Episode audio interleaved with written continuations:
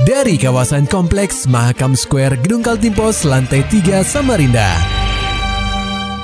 96,8 KPFM. Kita akan ikuti program KP Flash News.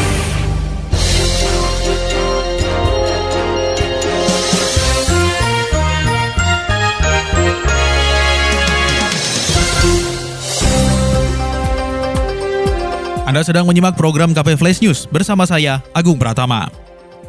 Pendengar KP, menjelang pelantikan Andi Harun dan Rusmadi sebagai pasangan wali kota dan wakil wali kota Samarinda terpilih, Pemkot terus mematangkan salah satu program unggulan pasangan ini, yakni program pembangunan dan pemberdayaan masyarakat atau Probebaya. Pelaksana harian atau PLH Wali Kota Samarinda, Sugeng Herudin mengatakan pihaknya terus mematangkan program tersebut agar siap terlaksana usai pelantikan Andi Harun dan Rusmadi. Dalam mekanismenya, program Pro Pebaya ini diharapkan dapat meningkatkan pemberdayaan masyarakat dan pemerataan pembangunan. Nantinya setiap RT di kota tepian akan menerima anggaran sebesar 100 sampai 300 juta rupiah. Pro Pebaya ini program pemberdayaan masyarakat melalui hmm. dana yang 100 juta itu per RT, ya. 100 sampai 300 juta. Kita kan perlu buat uh, regulasinya dulu kan, hmm. nah, itulah yang kita buat. Terpisah, Kepala Bagian Hukum Sekretariat Kota Samarinda, Eko Suprayitno, menerangkan agar program Pro Bebaya bisa terlaksana, penting bagi pihaknya untuk melakukan pembahasan ke setiap organisasi perangkat daerah atau OPD. Hal ini juga dilakukan agar setiap OPD bisa memberikan masukan sehingga regulasi dari program tersebut bisa segera dibuat paling lambat akhir Maret nanti. Uh, pembahasan. Pembahasan. Pembahasan. Disusun sudah. Okay. Kita bahas. Huh? Mekanisme pembahasannya rapat dilanjutkan dengan meminta masukan dari seluruh PD terkait. Tadi dicatat ada sekitar berapa ya? 10 kah berapa tadi itu? Untuk didistribusikan perwali ini dalam dua hari ke depan masuk lagi sudah dalam bentuk catatan coretan-coretan perbaikan-perbaikan masukan dari OPD-OPD terhadap draft ini. Dan akan dibahas kembali hmm. di di ruang sekda oh. atas masukan-masukan tadi. Atas yang bisa diterima masukannya kan tidak semua masukan bisa diterima. Benar. Itu untuk referensi kita masukan-masukan itu untuk kita perbaikan. Setelah itu dengan deadline Maret itu harus selesai nih. Maret ya Pak? Maret harus selesai. 31 30 Maret tuh. Pokoknya bulan Maret nih harus selesai. Akhir Maret Pak. Ya, akhir Maret.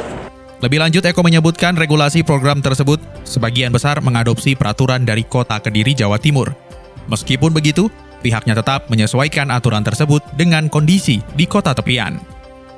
Isran senang dikritik demi pembangunan Kaltim. Laporannya disampaikan reporter KPFM Samarinda, Maulani Alamin. Pendengar KP, Gubernur Kaltim Isranur mengaku senang menerima kritikan dari masyarakat. Terlebih, kritikan tersebut dibarengi dengan saran kepada pemerintah untuk terus meningkatkan pembangunan di provinsi ini.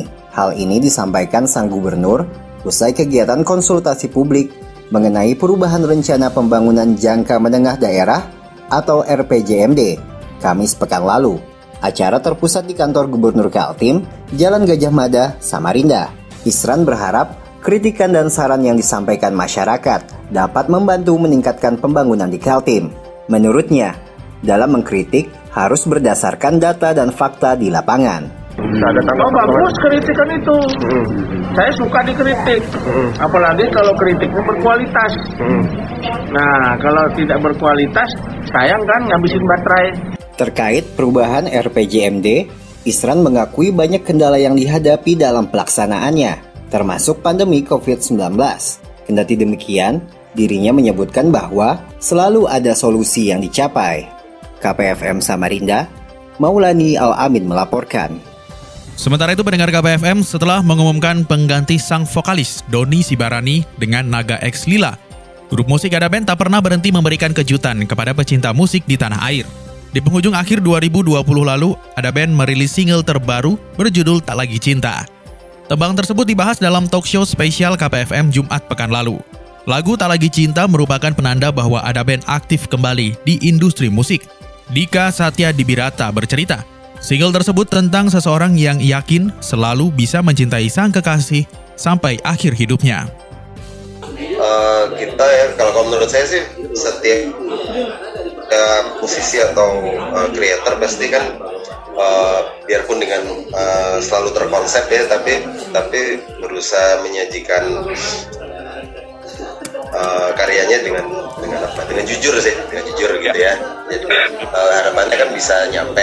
Nah, yang jelas sih kalau ini perbedaannya tuh uh, uh, justru uh, ini ini nggak tahu ya kalau kalau misalnya sekarang kan kalau zaman dulu tuh kan uh, audio visual ya. Eh zaman dulu hanya audio misalnya. Audio audio benar. Hanya aja hanya ada di radio. Kalau sekarang kan justru audio visual. Diketahui Tak Lagi Cinta dirilis pada tanggal 26 Desember 2020. Lagu ini dapat didengarkan melalui semua platform musik digital yang ada di Indonesia, termasuk di KPFM Samarinda. Kita beralih ke dunia olahraga pendengar KPFM, Borneo FC Samarinda meminta pemainnya tetap membenahi fisik jelang turnamen pramusim dengan tajuk Piala Menpora 2021. Laporan selengkapnya akan disampaikan reporter KPFM Samarinda, Muhammad Nur Fajar. Pendengar KP, angin segar berhembus di dunia sepak bola Indonesia. Kepolisian Republik Indonesia atau Polri telah memberikan izin untuk menggelar kompetisi. Hajatan olahraga yang paling ditunggu masyarakat tersebut akan dimulai melalui turnamen pramusim. Jika tidak mengalami perubahan, rencananya turnamen tersebut akan dihelat pada 20 Maret 2021 nanti.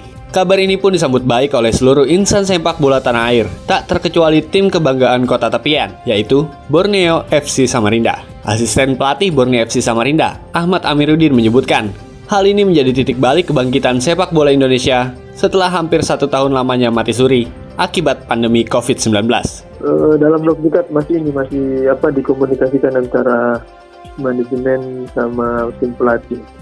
Kan jadwal ini ya belum belum rilis juga kan. Mm -hmm. Ada kemungkinan masih persiapan di Samarinda, atau langsung ke TC di mana itu belum masih belum pasti tunggu dulu regulasi mungkin mudah-mudahan regulasinya cepat keluar biar bisa bikin plan karena waktu mepet ya. Amiruddin menjelaskan, untuk menghadapi turnamen pramusim, pihaknya masih belum bisa menentukan apakah akan menggelar latihan di kota tepian atau melakukan training center atau TC di luar daerah lantaran jadwal pertandingan belum diumumkan. Selain itu, tim pelatih juga masih menunggu regulasi turnamen untuk menentukan porsi latihan bagi pemain nantinya. Untuk persiapan minimal mulai dari sekarang sudah latihan mandiri untuk persiapan itu ya. Karena kalau berlatih kan berlatih mungkin sekedar fun atau menjaga. Kalau ini mungkin ada target sekarang ya dan sekarang sudah target bahwa ini udah mau ada kompetisi, ada turnamen yang levelnya bergengsi ini. Uh, intensitasnya juga tinggi dan latihannya juga harus maksimal. Mungkin jadi begitu nanti kumpul sudah tidak mulai dari nol kita.